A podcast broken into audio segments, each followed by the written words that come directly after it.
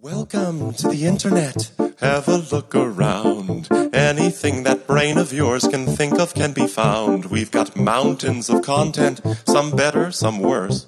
If none of it's of interest to you, you'd be the first. Labas vakaras visiems klausantiems ir su jumis vėl e, tinklalaidė Žinai, ką girdėjau. Intelektual, intelektualinė terapija. Tai a, malonu ir matyti, kad jūs klausotės e, šitos tinklalaidės e, ir turbūt spėju, kad tas klausančių skaičius šalant orams ir didės, nes man vis labiau norisi lysti į kambarį, užuot ėjus kažkur į tą šaltį ir drėgmę, kuris šiuo momentu vyrauja. Bet kitą savaitę girdėjau, kad bus šiltesni orai. Gal bus, nu, tikiuosi, dar ne bobų vasara, bet toks normalus saulėtas Lietuvai įprastas rugsėjas. Um, tai va, Vytautai, kaip laikaisi tu? Labas, labas, Jėva ir sveiki visi. Kaip girdite iš mano balso šiandieną truputėlį su peršlės, temperatūra, tai um, turės tas mano žemas balsas tokio dar užkimimo poskonį, bet tikiuosi tiks ir patiks vis tiek. Ir taip pat irgi laukiau um, šio pirmadienio mūsų intelektinės terapijos, kadangi man tikrai yra kiekvieną kartą smagu um, pasidalinti mintimis ir tiesiog pa, sakyčiau, pa, pamasažuoti savo smegenų vingius ir pažiūrėti, um, ką galvoju apie kažkokią man žinomą ar nežinomą temą. Ir, nu, pačianinčiantis iš tikrųjų savo tas um, iš pirmųjų principų um, argumentus už ar prieš, kuriuos turiu. Ir kiekvieną kartą, žinau, po šito pokalbio man yra mažas praregėjimas, tiesiog vis kažką arba geriau matau, arba geriau žinau, arba kaip tik pradedu suprasti, kad nežinau, tai kas irgi yra fantastika. Tai Labai smagu ir pritariu tau, kadangi orams prastėjant, manyčiau, tikrai irgi yra noras labiau namuose būti, tad um, viliuosi, kad uh, šitą tinklalaidę daugiau žmonių klausys, bet taip pat ir prisijungs prie mūsų klubhauсе pirmadieniais pusė aštuonių. Na ir tie, kurie šiandien e, yra prisijungę į Clubhouse kambarį, tai e, kviečiam įsitraukti į diskusiją, pakelt ranką, o jeigu norės tik paklausyti, tai irgi yra tokia galimybė. Tai ką, tai manau, kad galim pradėti ir šiandien startuoja Vytautas, e, tad ir klausiu tavęs, ką šią savaitę įdomaus girdėjai. Taip, tai čia yra tema, kurią norėjau praeitą savaitę jau pagaldenti, bet gal ir gerai, nes gautas mintis truputėlį labiau susidėt. Bet norėjau iš tikrųjų uh, pa, pamonologinti apie senus žmonės. Apie kaip mes visuomeniai ir gal artimųjų tarp žiūrim būtent į, į seną žmogų. Nu, tarkim, tai pirmą gal patikslinsiu, kas yra senas žmogus. Tarkim, šitai diskusijai senas žmogus yra 60. Plus. Tai pagal visus e, visuomenės standartus tai nėra senas, nors, jei neklystų, Lietuvoje šiuo metu vyro vidutinis gyvenimo mirties amžius tai yra 71 metas, moters 79 beros arba 80, tai, tai mes šiandien nes, nesak, aš nesakom, kad čia nėra būtent prie pat galo, bet skaičiu, nu, jau apie pensinį amžių ir į viršų.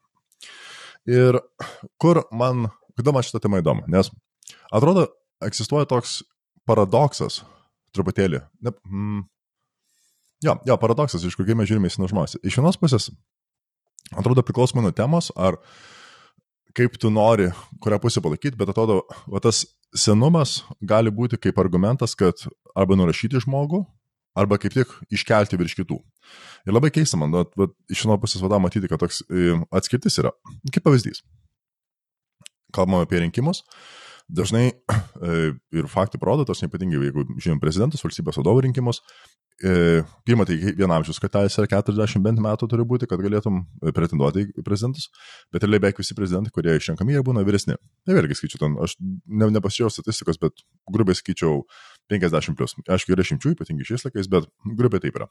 Ir lyg atrodo, kad vat, iš tos pusės vat, tas vyresnis amžius būtent žiūrimas kaip patirtis, kaip jau branda, kai vadinasi, tas žmogus jau galės e, tą valstybę ar ten savo komandą, ar kas tai bebūtų vesti ir išklausyti žmonių ir empatiją turėti nu ir panašiai.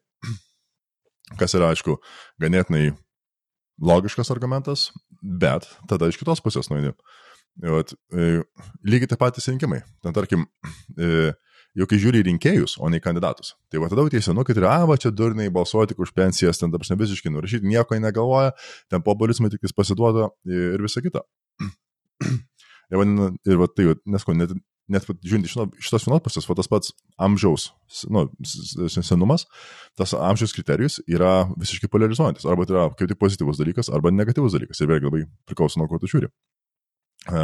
Kita vaši sfera, kur labiau diskriminuojama yra, skaičiau, sveikatos sritis. Ir ten, aišku, suprantu, yra, tarkim, kai kurios terapijos ar procedūros, kurias jau um, rizika, kad tu ją gausi, kad tau ją darydama rizika gauti šaltinius efektus ir kaip pasiekmė blogesnė į sveikatos, nu, sveikatos efektus yra didesnė, tada tas žaidimas. Bet labai dažnai tiesiog, kai nueina uh, vyresnio amžiaus žmonės, kiek čia girdžiu iš, ir iš savo tėvų, ir iš aplinkinių, gerai nueina ir maždaug diagnozė jų kondicijos dažnai būna, ai tai jau senas. Ir va toks ir nurašymas. Aš jokios analizės nevyksta, jokios diagnozės nevyksta, jokio net atrodo noro padėti nebėra. Aš nematau tos būtent tiesiog nurašymas, kas mano akiai yra absurdiška. Ypatingai, kai um, ir vidutinis gyvenimo amžius kyla, mm, vadinasi, ir ten mytyba, ir sveikas gyvensenos būdas yra labiau prieinamas žmonėms. Ir vadinasi, Ir aišku, moderni medicina prie to prisideda tiesiogiai. Tai va tada klausimas, nuo kada tas žmogus, kuris gydo uh, vyresnį žmogų, uh, kada jam tai yra jau tas kriterijus, ką maždaug galime nurašyti. Man, mano galva čia ne, neturėtų šis būti toks kaip carte blanche nurašymas, maždaug, kad, o, tarkim, tau virš 60, tai nes ten atinis, tarkim, skausdančių kalbų, ar kelio, ar čiurną, ar kas tai bebūtų, ar ten pilvo. A, tik, čia senas maždaug, ir zin. Aišku, čia suprantu, kad aš truputėlį e, bendrinu, bet dažniau negu ne, tikrai va šitą argumentą girdžiu, kad va, nuėjus pas medikus, tiesiog senatvė, kas aišku faktas, senatvė turi savo e, efekt, biologinius efektus e, kūnų ir visą kitą getą. Bet man tas nurašymas, kad neverta gydyti ale kaip pasiekmė, yra absurdiškas. Ypatingai mąstant apie modernios medicinos uh, proveržius, kurie ko ne kasdieną vis dar vyksta. Tai jo, ir kitas aspektas būtų, kaip žiūrima į senus žmonės, kaip senelius kaip mačiutės senelius, būtent iš vaikų auginimo perspektyvos. Nes iš vienos pusės vėlgi tas senelis ar mačiutės uh, amžiaus uh, kriterijus yra naudojamas kaip ir iškelti jį ar ją, kaip o maždaug argumentas yra, nu, kadangi jau savo vaikus užaugino, ten, tarkim, jeigu dar, aišku, iš jų ten geri žmonės pagal kitų žmonių kriterijus išaugo, tai iš viso yra toks kaip papildomas būsas, lyg mm, įvertimas pozityvaus to ūkdymo uh, įgūdžio. Ir, ir tada maždaug, kad jau kai ateis laikas anu, anukėlius auginti, tai vadinasi, jau bus išmokę iš savo klaidų, bus pasirinkę patirties ir vadinasi, bus labai geri scenarijai. Iš kitos pusės lygiai tas pats irgi amžiaus argumentas buvo negatyviai naudojamas, kai maždaug, tai ką ten tie seneliai prižiūrės, jeigu ne, ne, nebepabėga iš paskos, nieko nesupranta, ten technologija atsilikė ir ta, ta, ta, ta, ta. Ir, ir vėlgi tas, iš vienos pusės tai žmogus gali būti mm, su geru įgūdžiu arba išlaimintų įgūdžių būtent vaikų auginimo, bet tai amžius nuo to mm, šiokią tokią turi, aišku, įtaką. Bet mano galva, tas vėlgi, kaip nurašymas visiškai, kad tai yra dėl to, kad žmogus senas, tad ir visi tie negatyvūs dalykai seka man, jis yra nelogiškas, žiūrint iš tos pusės. Ir paskutinis toks aspektas gal, ketvirtas, kai būtų bendrai, mm, darbo aplinkoje vertinimas va, būtent vyresnio žmogaus.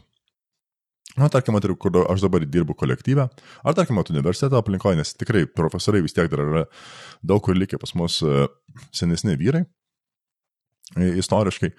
Ir, ir vėlgi, yra toks arba pozityvus, arba negatyvus, bet vėlgi tik per amžiaus kriterijų atrodo. Tai pozityvus būtų maždaug, nu va, kadangi šitas profesorius 40 metų dirbant savo srities, pažįsta visus, visi jį pažįsta, nes straipsnių daug rašo, tai va, va, kadangi jis jau senas, tai vadinasi, jis yra labai geras, mes turime ir vertinti, tam biškai kartais jam atleisti dėl savo elgesio ar po, požiūrio, kas tai bebūtų. Nu, va, veikia tas toks pozityvus, e, pozityvi šviesa uždedama šitoje vietoje. Iš kitos pusės lygiai tas pats vėlgi, amžiaus kriterijus tam pačiam profesoriui, galbūt žmogau, iš žmogaus, kuriam tas profesorius nepatinka, po to, tai va, žiūrėk, čia senos susidėjo savo pozicijoje, ką jis ten jų nieko nesugeba parašyti, ten kaip prirašęs su straipsniu, bet visi nuobodus, nieko ne, nepastovi, nepavėluoja į savo mytingus, nors kažkas tokio būtų. Ir vėlgi, tai yra asmens savybės, kurios gali būti visiškai tiesa, tačiau jis iš karto yra visi sugrupuojami tą seno žmogaus etiketę ir tada būtent maždaug tą etiketę uždėra arba kaip su pliusu, kaip žalia, arba kaip raudonas su minusu maždaug ir be to užtenka lyg paaiškinti viskam ir visiems. Tai kur man čia yra nelogiška, nes um, aš gal labiau mastau vien iš savo gyvenimo perspektyvos. Nu, man dabar 30 metų. Lyginant 20 ir 30 yra milžiniškas šuolis. Sakyčiau, mano kaip asmenybė, kaip žinių pusės, kaip pasaulio perspektyvos, brandos, emocinio intelekto, nu, per sakyčiau, ko ne visas prizmes. Kas, manyčiau, taip ir turi būti. Ir aš noriu aišku viltis, kad, um, žinoma, gal dėl vis didesnio amžiaus, tarkim, biologiniai procesai lėtės, kognityviniai procesai lėtės, tai suprantu, ūkdymasis, ūkdymo ar augimo tempas lėtės, tačiau nereiškia, kad aš sustosiu aukti. Ir, ir man atrodo, kad tas teisingesnis požiūris ir uh, arba gal turėtų būti prikeltas čia, tarkim, iš genčių lygmens, kaip aš supratau, nes vėlgi tas, uh, tas tarkim, ar karalius, ar, ar šamanas, ar kas tai būtų, dažniausiai būdavo žiniai, jie būtent jie yra visą laiką, nu, vyresni žmonės, ne, tiem, kurie išgyvena 40-50 metų, vadinasi, jie matė, ir dėl to jos reikia rūpintis. Čia, tarkim, žinau, ir uh, Japonijos kultūrai būtent tais uh, vyresniais žmonėmis yra irgi kultūriškai labai rūpinasi, kadangi būtent yra įvertintas jų viso gyvenimo įdirbis ir įgūdis ir kiek jie prisidėjo, vadinasi, kaip sakyti, vaikai ar, ar anūkai turi jiems padėti, uh, nu, jau senyvo amžiaus, kai, tarkim, jie gali sąsnę pažiūrėti. Kai, ja, tai, tai va toks pozityvus požiūris, man atrodo, yra teisingesnis. Nes tai, pirma, tai yra faktas, kad tie žmonės matė daug daugiau negu bet kuris jaunesnis žmogus. Antras faktas, kad um, taip, gali jų, tarkim, tos dienos uh, požiūriai į aktualės yra ne, ne tai, kas yra šiuo metu visuomenį primtina, bet tai nereiškia, kad jie yra nesąmoningai, netikri. Kaip tik, skaičiau, labai yra vertinga um, išgirsti būtent vyresnių žmonių požiūrį į aktualės, kadangi jie duoda tada uh, jie patikė savo nuomonę per prismę, kuri taip pat turi istorinės konotacijas. Nes vadinasi, jie jau patikė tos dalykus, nes jie matė tos dalykus. Ir gal tai atrodo, tarkim, absurdas kartais, ten, tarkim, vos ne radikalios mintis gali būti, bet iš tikrųjų jose tiesos yra. Ir, ir va tas nurašymas, kaip sakyt, e, to kaip ačiū senas žmogus maždaug, ir, ir kaip pasiekmė ignoravimas um, tų žmonių perspektyvos ar, uh, ar aktualės ar bet ką kitą, yra mano galva neteisingas. Tad gal taip, čia biškiai aplinką vaikštų, bet gal link ko norėčiau suvesti, kad manau yra svarbu įvertinti, kiek žmogus patiria ir ką atsineša su savim per amžių savo. Žinoma, jis moka daug dalykų, kurių tu nemoki ir taip pat nemoka daug dalykų, kurių jaunimas dabar moka ir fair enough.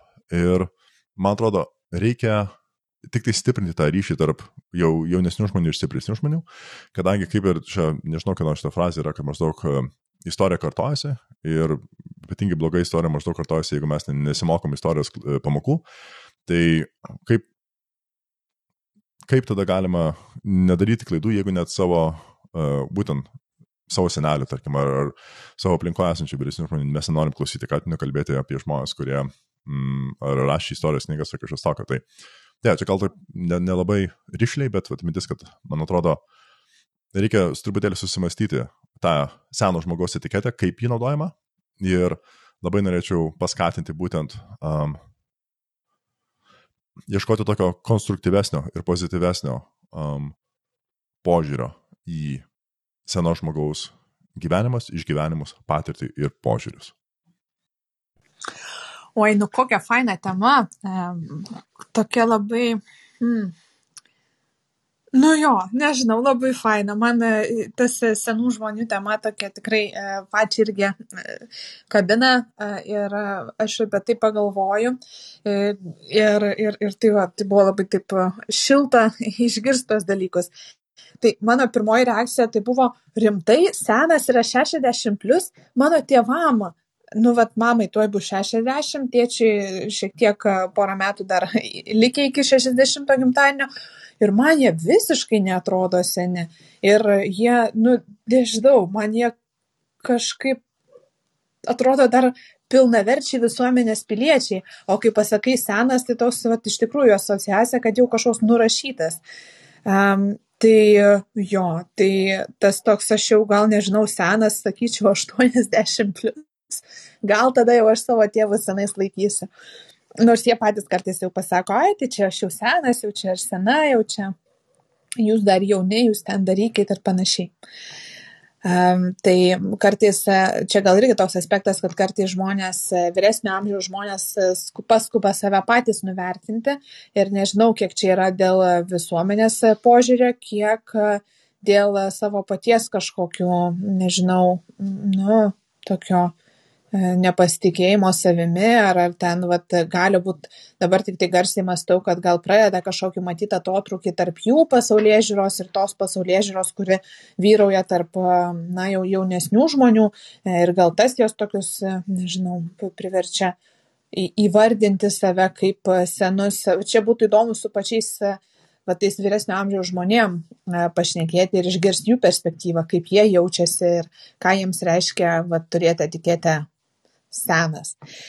Um, šiaip dar norėjau atkreipdėmėsi, kad uh, pasakai labai labai tokį gražų riktą. Uh, pasakai sakinį, reikia stiprinti ryšį tarp jaunesnių ir stipresnių žmonių.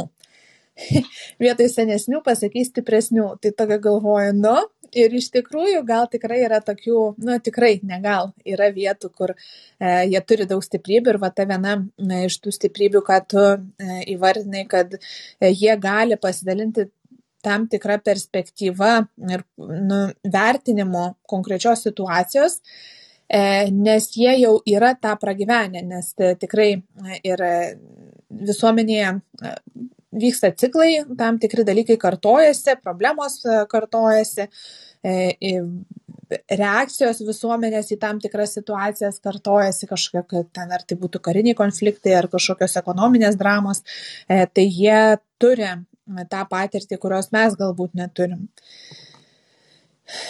E, kita vertus, nu, turbūt negali paneigti ir tų dalykų, kad su amžium jo visų mūsų ir kognityvinės funkcijos yra linkusios prastėti, e, bet tam tikri dalykai mm, su amžium gerėja. Tai šiaip su amžium intuicija gerėja, nes pati intuicija tai yra e, sukaupta patirtis, tik jinai, va, tas jausmas intuicija yra tai, kad tu, nu, mm, E,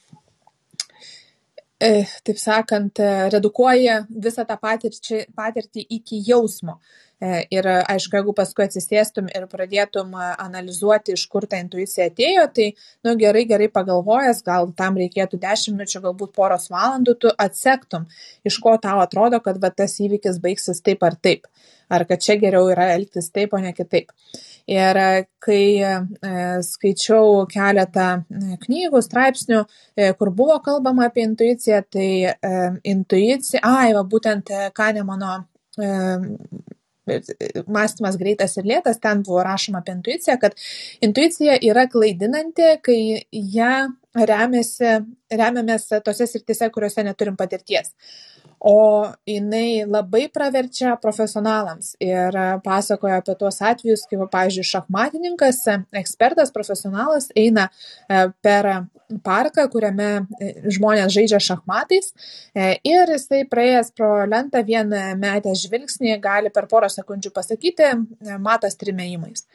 E, ir e, tas, vat, būtent, kai turi sukaupęs daug patirties, e, suteikia tau galios, vat, nu, turėti tokią nuojautą, net jeigu kartais tu jos negali paaiškinti. Tai va čia irgi, kalbant apie gyvenimišką patirtį, kad ir patirtis, pažiūrėjau, santykiuose, kurią kaupia kiekvienas žmogus per savo amžių, tai ji su metais tai gerėja. Ir, na, mano šiuo atveju yra dėkinga specialybė, kad kol manęs nepasigaus koks nors Alzheimeris ar kitos formos demencijos, nu tai tikėtina, kad e, aš kaip specialistė turbūt tik tai tobulėsiu, o ne, o ne degraduosiu. Tai e, va, tai tokios tos mintis, o vienas iš tų dalykų, kur aš jaučiu tokį, na, kažkokį konfliktą su, vidinį konfliktą bendraudama su senais žmonėmis, e, tai jau senais tais pagal mano apibrėžimą 80 plus, tai man toksai, kalbant, kartais kyla, nu, toks nerimas, ar jie mane supranta?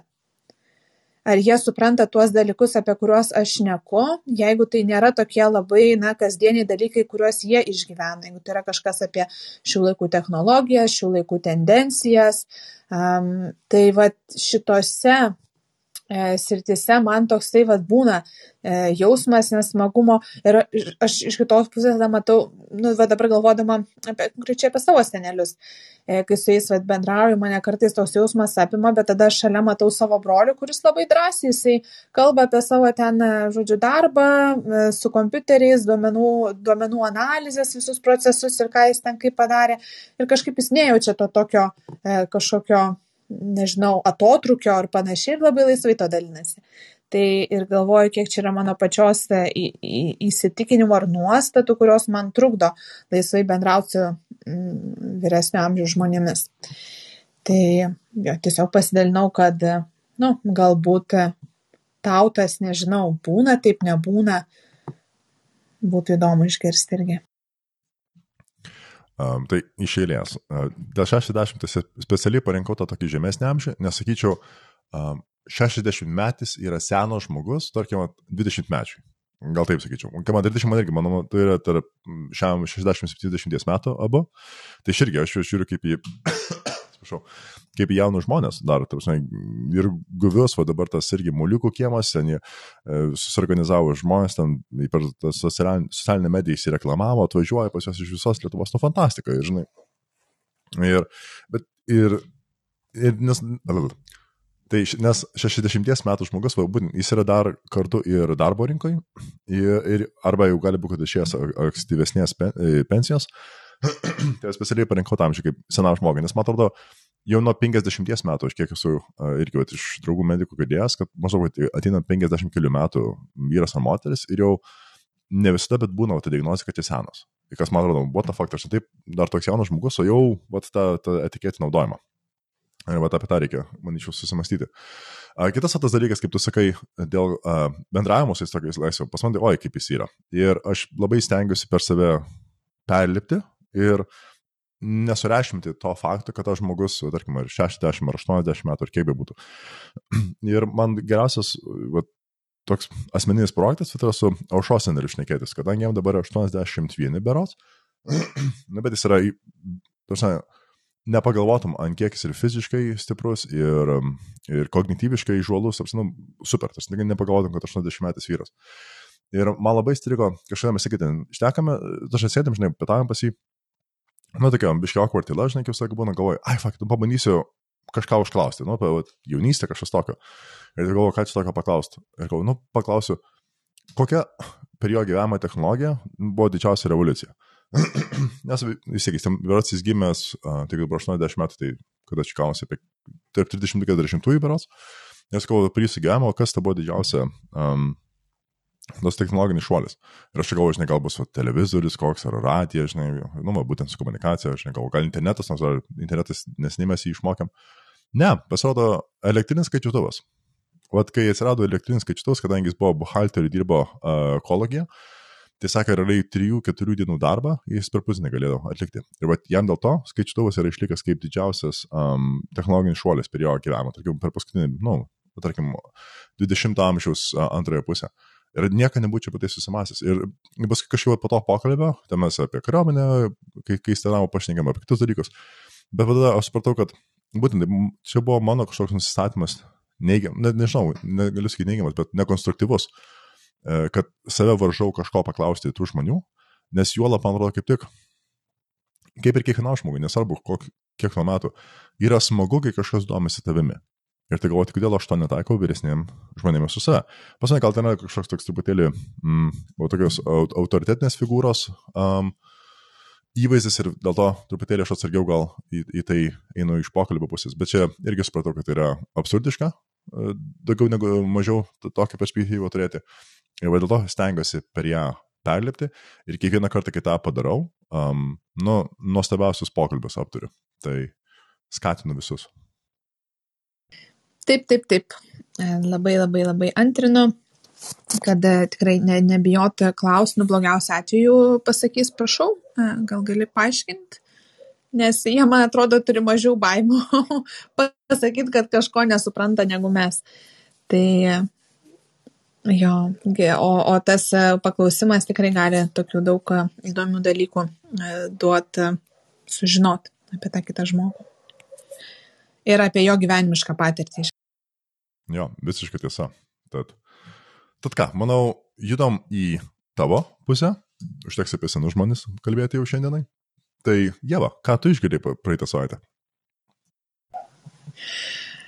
Galvojau, ką čia šiandien tokio apie ką šnekėti ir e, nusprendžiau pers, peržvelgti savo e, užrašus. E, turiu telefone e, nautuose užrašinėje e, prisirašęs visokių tokių e, lapelių apie nu, įvairiausius kažkur kažkada kažkokią mintį perskaičiau išgirdau, e, tai e, užsirašau ir ten kaupėsi toksai bibliotekėlė. Tai e, galvoju, reikia peržvelgti seniausius įrašus, e, ką turiu. Aišku, dabar telefonas jos pakankamai naujas, e, apie metai laiko, tai, e, žodžiu, metų senumo tokį radau įrašą, kuris man labai labai e, citatą e, užkabino, e, kurią paskui ten jau žodžiu mintis nuvinguriavo tolyn, kuriomis ir šiandien ir pasidalinsiu. Tai mintis buvo iš Sam Harris tinklalaidės, jis turi tokį apsą Waking Up skirtą meditacijoms ir ten jisai kalbino James Doty, kuris yra neuromokslininkas, verslininkas, rašytojas ir įkūrėjai atjautos terapijos centro įkūrėjas berots Stanfordo universitete tuoj tiksliai pasakysiu. Um, Jo, e, Stanfordo universitete jis e, yra įkūręs atjautos ir altruizmo tyrimų ir e, mokymo centrą. Tai va, ir yra jo tokia citata, buvau užsirašiusi. Mm, don't deny things that you don't like about yourself. Accept them and be aware. Pabandžius išversti lietu, į lietuvių kalbą, tai būtų e, nenuneik tų dalykų, kurių tu nemėgsti apie save. E, priimk juos ir būk sąmoningas jų atžvilgiu. Ir e, ta citata, jinai man tokio priminė, nu, tokį labai svarbu mano pačios kelią arba galbūt, nu, tokį pokytį savyje, kad labai pats tas e, ėjimas per gyvenimą ir mm, pasidarė lengvesnis ir pasidarė uh, lengviau būti šitame pasaulyje, tada, kai uh, nustojau bandyti kažkaip nuslėpti savo trūkumus, tuos dalykus, kurių aš savyje nemėgstu. Ir kai dirbu su klientais, kurie pavyzdžiui, ateina e, dėl perfekcionizmo, e, tiksliau jie dažniausiai ateina dėl perdėgymo ir paskui tas visas e, perdėgymas neretai jo priežastys būna perfekcionizme, aišku, perfekcionizmas turi savo priežastis dar gilesnės, bet žodžiu, irgi toks būna nuolatinis toks lyginimas į savęs su kitais ir matymas, kaip kiti yra geresni už mane ir kaip aš čia neturiu, va, ir to nemoku, ir to nemoku, ir to nemoku.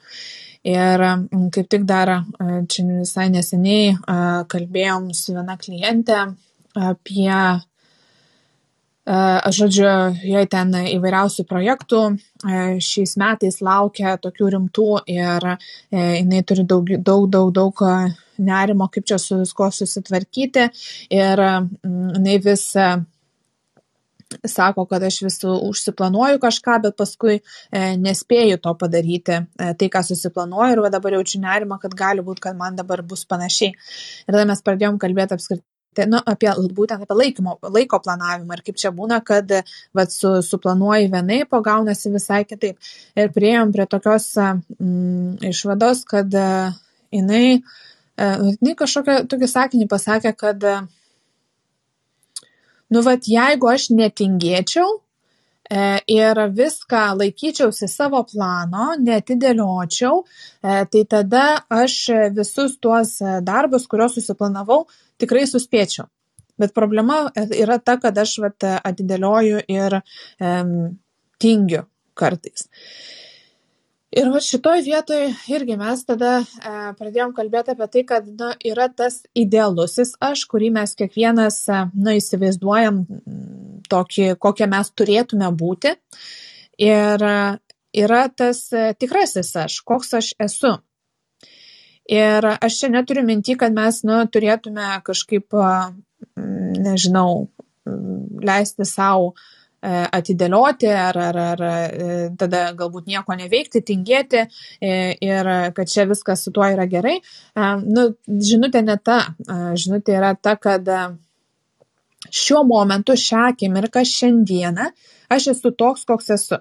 Tai yra, aš esu linkęs ar linkusi atidėlioti, aš esu ten galbūt esu linkęs pervertinti ar linkusi pervertinti savo tai, kiek man užims e, darbai laiko,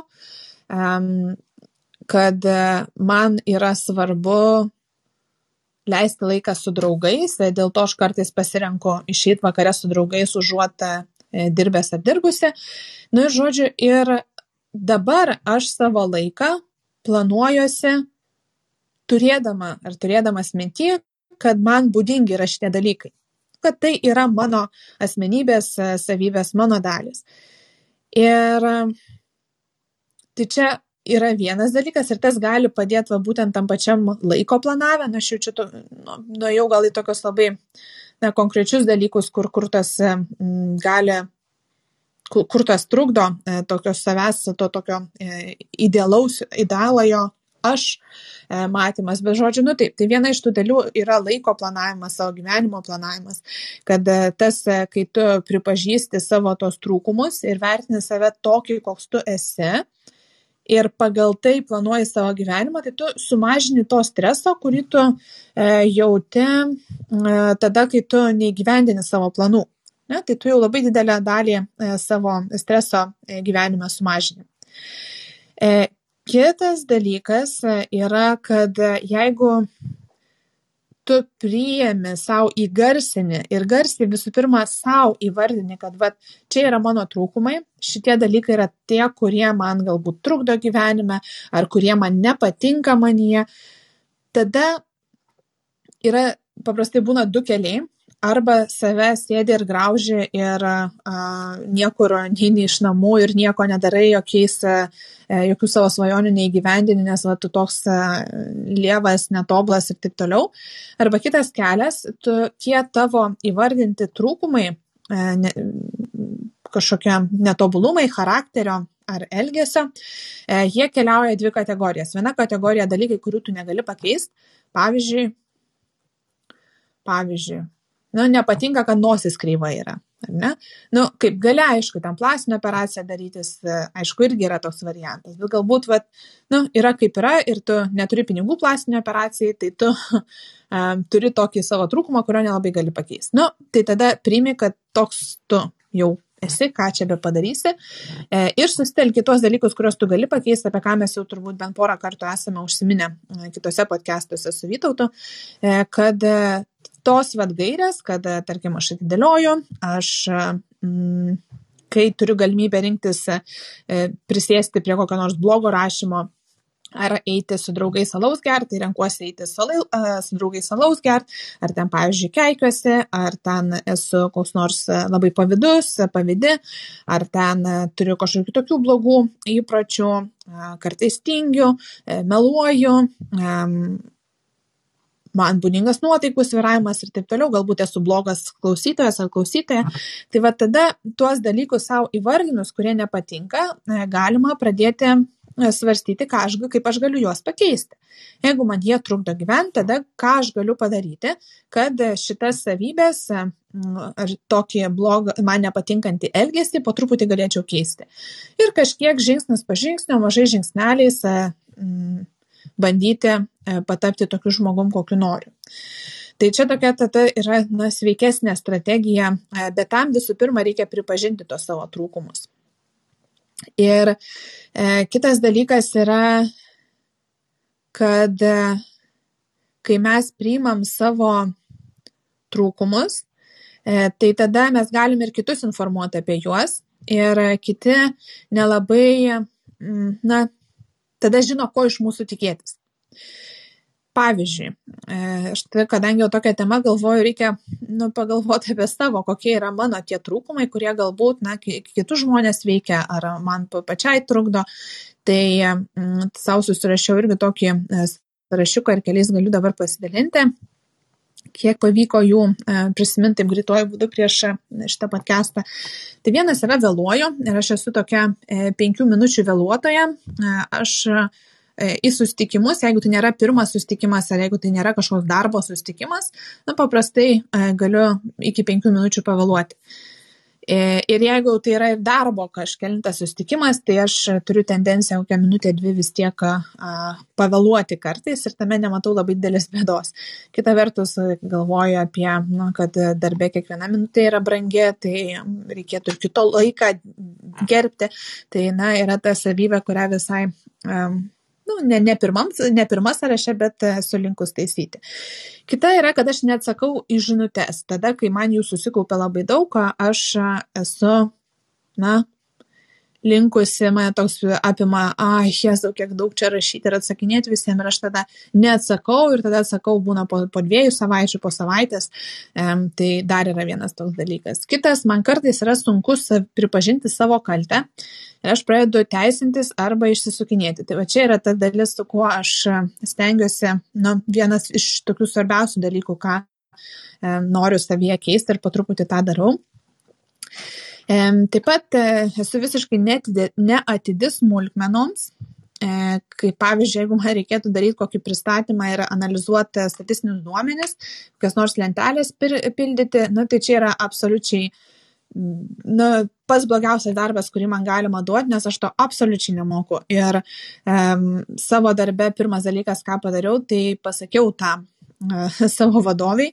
Ir e, iš pradžių dar gavau ten tokių porą užduočių, bet jinai pamatė tada, kad aš ten gramatinių klaidų, net ne gramatikos, stilistikos priveliu, ar ten e, skaičius netaip sudedu ir tai buvo du darbai, kuriuos man davė šitą temą ir paskui nebedavė. Bet tas e, vien informavimas irgi jai labai padėjo žinot, ką aš galiu ir ko aš negaliu.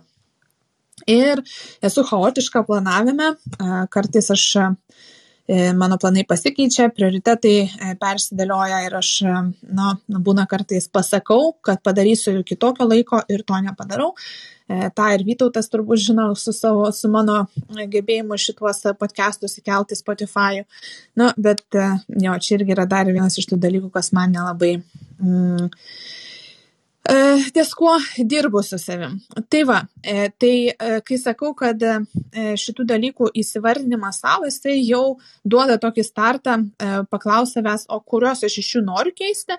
Ir, pavyzdžiui, turbūt vėlavimas, kadangi jis toks yra penkia minutės, tai, nu, būtų gerai pakeist, bet aš taip labai į jį e, daug neinvestuoju pastangų, bet pavyzdžiui apie kalties pripažinimą arba mm, tą tokį e, chaotišką planavimą ir, kaip pasakau, ir nepadarau tuo laiku, kada e, sutariu, tai čia yra tie dalykai, su kuriais aš stengiuosi dirbti.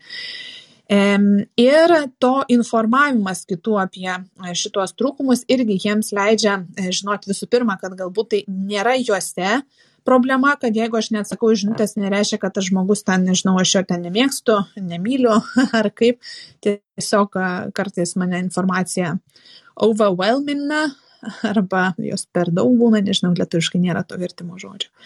E, kitas dalykas, tai padeda nusistatyti mm, e, tobulėjimo gairias e, ir, ir, ir pasakyti savo, išsikelt tam tikrus tikslus ir pakeisti savybės.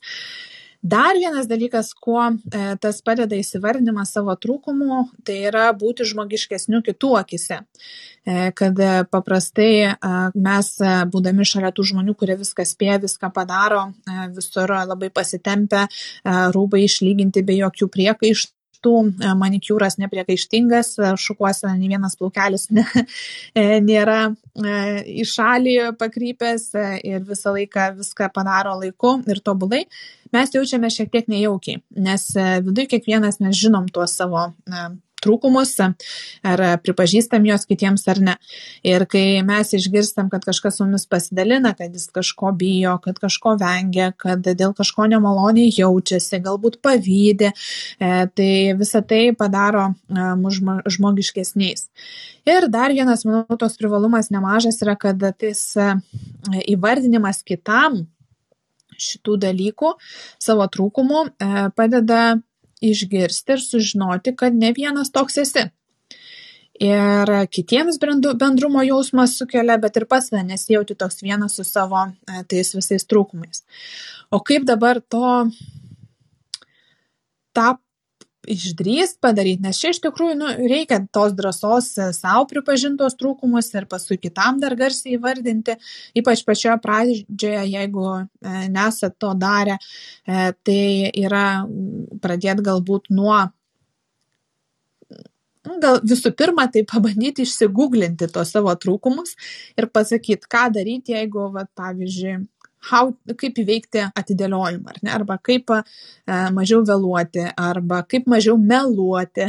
e, ir pamatysit iš Google rezultatų, kad na, jeigu tų rezultatų tiek yra, tai greičiausiai tikrai ne vienas jūs tokį trūkumą turit.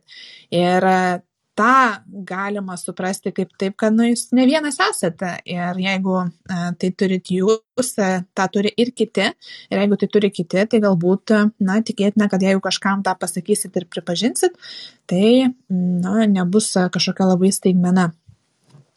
Kitas dalykas, e, aš visada siūlau tokiais atvejais ir man turbūt tas irgi labai padėjo, tai pasižiūrėti į gamtą. Ir jeigu ir šią akimirką dabar priešai save turit kokį nors augalą arba galbūt turit kokį nors e, augintinį, labai atidžiai pas, į juos pasižiūrėkit.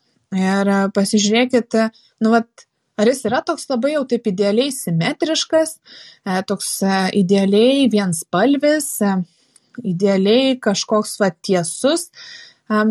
Greičiausiai pamatysit, kad ne kad e, tiek tas e, tobulas jūsų katinas turi kažkokią netobulą dėmelę arba turi koks e, medis, ten kokia nors šaka kryva, nes gamta taip jau surėdyta.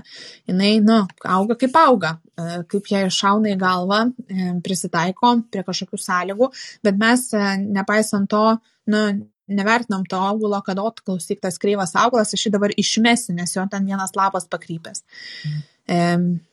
Tai va, tai tas toks pamatymas gamtoje, mes patys irgi iš tos pačios gamtos esam, tai kaip mes galim iš savęs reikalauti tobulumo, nepriekaišti, nepriekaištingumo, kai netobulumas yra gamtos norma.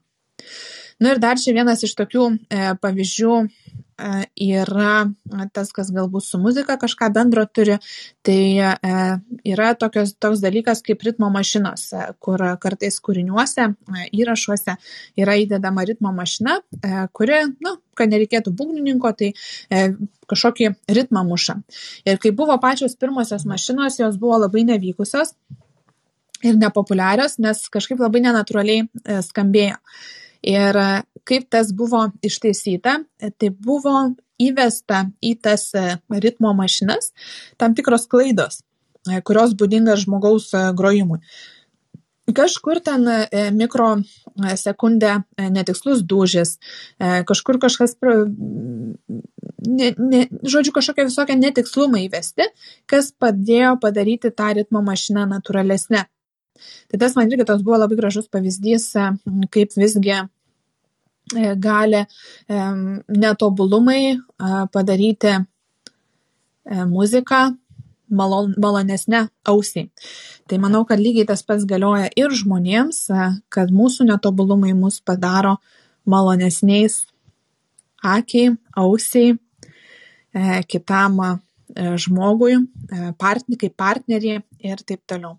Ypač būnant su partneriu, kai savo kokią parodai kambarys, pamatai pas partnerį kokią, nežinau, kokią apgamėlę ar ten dar kažką. Taigi žmonės įsimylė dėl tokių dalykų. E, tas pats gyvūnėlis, koks nors šuniukas su nuleipusia viena, nu jau to jau vajetau, vajetau. Bet kažkaip savyje mes tą nuleipusią ausį ar kažkokį charakterio brožą labai kartais norim paslėpti po šešiom kaldrom ir neleis niekam pamatyti. O galbūt tas mūsų uh, netobulas bruožas kažkam gali tapti meilės objektu. Tai va tokios mano mintis šiandien. Labai fainas mintis ir aš labai džiaugiuosi, kad uh, tobulumo,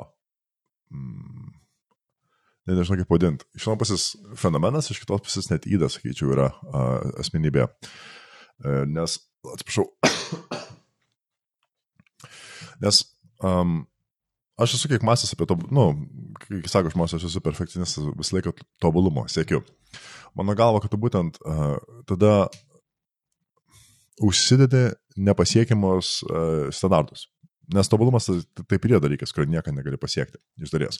Yra arba judantys vartai pastovi, nes kuo tu arčiau artėjai tobulumo, tuo toliau nuo tavęs tobulumas toliau, nes vis dar kažką gali pa, pašlifuoti, populiaruoti, vis dar tekstą gali ten pakeisti žodžius ar, mm, nežinau, šaltinį sakinį papildomai įdėti, kad tiksliau patikslinti. Nu, tai yra kaip Sisifo darbas, aš netobulumas ant to Sisifo kalno yra ir tiesiog jo pasiekti kaip ir neįmanoma. Ir aš atsimenu, kai mentorius buvo jaunai doktorantai, tai bet irgi tą turėjo apie savo rašymą būtent straipsnį. Ir jį labai dėl to pergyveno, iš tikrųjų, kadangi jos kolegos nestraipsnis rašė, jį vat, e, nespėdavo rašyti, nes iš tikrųjų buvo būtent per daug laiko užstrigdavo ant kiekvienos pastraipos, nu, tobulinimo ir visą kitą. Ir man vat, iš to ta Pireto taisyklė labai patinka, ta 80-20 principas, kad realiai 80 procentų darbo tu gali padaryti per 20 procentų laiko ar energijos įdėtos, o paskui tiesiog tas grįnimas, tobulinimas iki 100 procentų yra likęs 80 procentų laiko ir, ir energijos. Tai aš, aš, aš tą stengiuosi uh, pritaikyti savo gyvenime. Man atrodo, čia iš vienos, toks, iš vienos pusės yra kaip ir good enough, bet iš kitos pusės yra realiai, kad mano good enough gali būti daug geresnis negu kito žmogaus, pakankamai geras. Va čia čia kažkokios standarto nu, nurašymo ar, ar nubrėžimo lygis ir priklauso nuo, nuo, nuo kurio taško mano 8 procentų yra va, tas, tas siekis, nes kaip pavyzdys, tarkim, aš niekada nesu prezentacijos daręs, ne? Ir noriu, aš šiam dirbu, dirbu, dirbu ant jos, noriu padarau. Ir, ir tarkim, lyginu tą savo prezentaciją su kita prezentacija, kurio, tarkim, po 10 metų įdirbę darau. Ir realiai, tarkim, aš laiko tiek pat įdedu, tarkim, įbi po valandą, nu, tas 20-80 principas, bet tiesiog vien kokybė tarp vieno ir kito darbo bus drastiškai skirtinga. Nes būtent tiesiog yra įgūdis aukštesnio lygmens, vadinasi, mano standartas, kurio aš siekiu, yra aukštesnis ir kaip skaitas žemiausia pakopa, nuo kurios aš pat jau yra aukštesnio lygmens. Tai man taip atrodo. Tai čia, kaip sakyti, uh, jo, man tas to, to, tobulybės. Um, Bet, bet ne, nežinau, kaip tiksliai pavadintas, o tobulybės siekimas, ar kaip pasakyti, um, jis, man atrodo, yra dažniau įda, o ne dalykas, kurio reikia girtis. Um, kitas dalykas, man kai kalbėjai būtent apie tą atskaitomybę, tai čia dvi mintis iš karto. Pirma, tai yra David Gogginso, tas yra uh, atskaitomybės uh, veidrodis kaip jis jau pasavai įvardinęs knygoje. Ir realiai principas tai lygiai tą pat, ką kartu sakai, tiesiog vietoj garsinimo, tai tu realiai susirašai ant lapelio, ant savo veidraščių, susidė būtent dalykus, kurie, kuriais tu esi patenkintas, ypatingai tuos, kurie jau esi nepatenkintas, vadinasi, privalai pripažinti savo atvirai ir kadangi jos ant veidrodžio turi pas save susidėjęs, tarkim, ar ten mėgamojo veidrodžio, ar vonios veidrodžio, nesvarbu kur, tu kiekvieną rytą juos dalykus tos žiūri ir matai, ir, ir vėlgi, tai kaip ir skatina tai būti atskaitomui atskaitomam savo kas yra svarbiausias dalykas yra, nes kaip sakoma, meluoti savo yra lengviausia, tai čia m, mm, iš to, jeigu nori kažką tobulinti, bet kokią savybę ar įdą savy, tai va tą melą apeiti yra, uh, sakyčiau, sunkiausia dalis. O čia kitam, šiaip irgi apie tą dar susijusi buvo, tai um, iš vienos dienos čia Abby Kaplan yra dainininkas amerikietis ir vienoje dainoje man, nežinau kodėl, bet labai rezonavo tokie žodis, nežinau, I know my sins and they know me. Tai lietuviškai būtų, uh, aš žinau, aš pažįstu savo nuodėmės ir jos pažįsta mane. Va čia lygiai tas pats atrodo, nes uh, kai va tie dalykai, kuriuos um, bijome įgarsinti ar pasidalinti, arba kaip sakyt, slepiame uh, tas kažkokias spragas savyje um, nuo savęs ir nuo kitų, dar reikia vos net suprasti, kad tos spragos irgi žino, kad ten jos yra ir jos kaip ir nori likti tenais. Ir va, tas dėl to, kad I know my sins and they know me, kad suprasti, kad čia yra um, dvilypė kova. Ta prasme, šiom pusės tu su, su tam savo sprangom kovoji, bet jos taip pat ir priešinasi prieš to, nes jos nori ten likti, jos, e, čia turbūt kaip psichologija galiu, galėtum paaiškinti, kaip tas vyksta, bet tikrai jau tas ir nes, atrodo, kuo ilgiau apleidi dalykus, um, netaisant jų, tuo yra sunkiau taisyti. Ir man atrodo, čia, man, man, man šitą labai, um, nu šitą eilutę iš dienos labai tą simbolizuoja. O kitas dalykas, kaip dar čia apie muziką, kaip sakai, kai tie netobulumai duoda tokio autentiškumo. Tai man čia geriausias pavyzdys, kadangi tu Lindy Hopą žinai ir swingą žinai, tai jeigu palygini, tarkim, 30-ųjų ir 40-ųjų swingo, tai, nu, tarkim, jeigu Glenn Miller palygini su kokį Cap Calloway arba Cam Basie, man tas labai jaučiasi, nes jeigu Cam Basie arba Cap Calloway klausai, kur yra improvizuota. Tai vat yra, yra įrašuose to pakankamo, pirmą tai yra meistriški muzikantai, bet yra to pakankamo netikslumo, kad tai jaučiasi autentiška gyva tikra muzika, ypatingai solo, jeigu klausai tą. O jeigu Glenn Miller, kuris jau rašo orkestrinę muziką, bet ten jau viskas yra iššlifuota. Ir dėl to ta muzika tokia jaučiasi truputėlį sausesnė, tokia šaltesnė, sakyčiau. Nes viskas jau per, atsiprašau, jau viskas per daug pristiguota. Ir Nežinau, ar tu tą irgi pastebėjai, bet man mat, tikrai čia kažkas šitą dalyką pasakė ir paskui, a jo, teisingai. Ir tas pradėjo labai jaustis.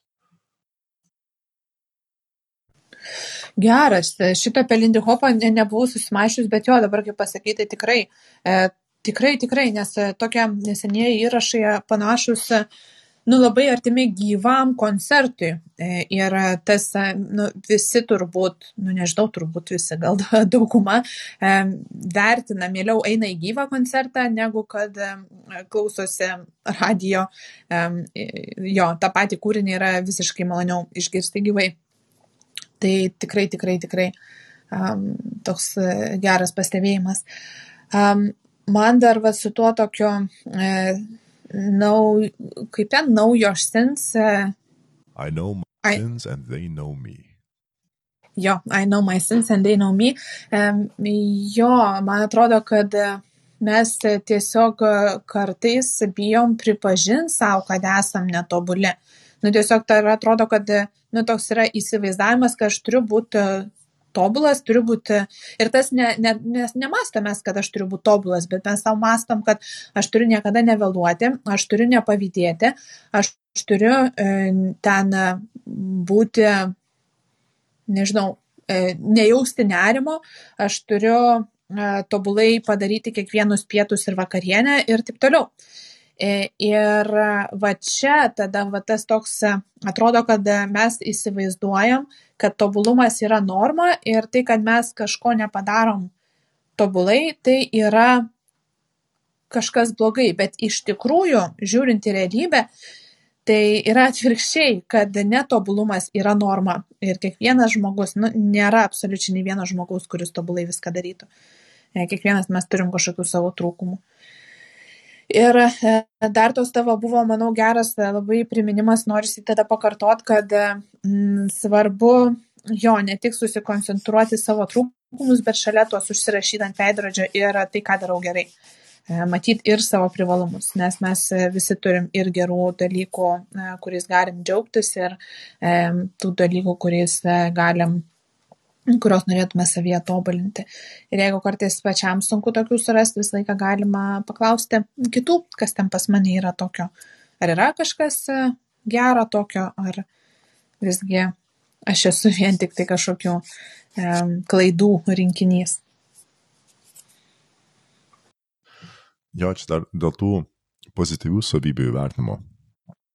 Aš sakyčiau, um, taip, tokia dviguba mintis. Iš vienos pusės, Um, atrodo, žmonės yra daug labiau linkę kritikuoti ir kitus ir save. Ir kas ten, bet pagal evoliucinį paaiškinimą kaip ir logiška, bet būtent e, nuvertinant iš tikrųjų tą vertę, kurią tu pats žiūri apie save, yra nenaudinga. Sau ir, ir kitiems, man atrodo, visiškai. Ir kitas dalykas, dėl ko tai e, tiesiog susirašyti ir pastovi pagalvoti apie tos dalykus, ku, dėl kurių esi vertingas, naudingas vien savo, nebūtinai tai reiškia kažkaip pasaulio ar kažkam kitam. Tai kai ateina laikas darbo ieškoti, kai ateina laikas įvyrašyti, bent man va šitas ir būna sunkiausias klausimas, tai ką aš tokio naudingo galiu atnešti tai kompanijai, apie kurią nieko nežinau, kad jie mane norėtų pasamdyti. Ir kadangi va, tiesiog retai pagalvoju apie tą savo naudingasias savybės um, ar įgūdžius, ar kas tai būtų. Tada, kad jinai šitą klausimą aprašyti, tarkim, CV ar motivacinį laiškę, iš karto toks biški atsiranda, uh, gal, gal nereikia rašyti, gal aš patingesnis, nes, nu, tokia baimė atsiranda tame procese. O jeigu va, tas, kaip sakyt, um, savo būtent gerų įgūdžių įvertimas jau yra daromas ar, ar padarytas, tai tiesiog net ir šitas procesas tampa paprastesnis. Mhm. Nu ką, tai manau, kad galim šiandien šitą vietoj ir sustoti.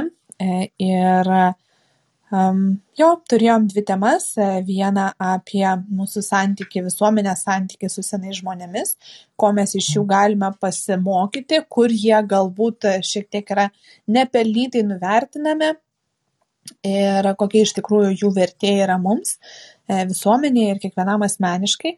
Na ir antroji tema buvo apie E, netobulumo savo pripažinimą, kaip tą padaryti, kaip priimti savo netobulumus ir apskritai, kodėl reikėtų tą daryti ir e, kokie yra to pranašumai e, prieš perfekcionizmą. Tai ačiū visiems, kas klausėtės ir iki, ačiū Vytautai tau už tavo labai tokią šiltą ir, ir žmogišką temą.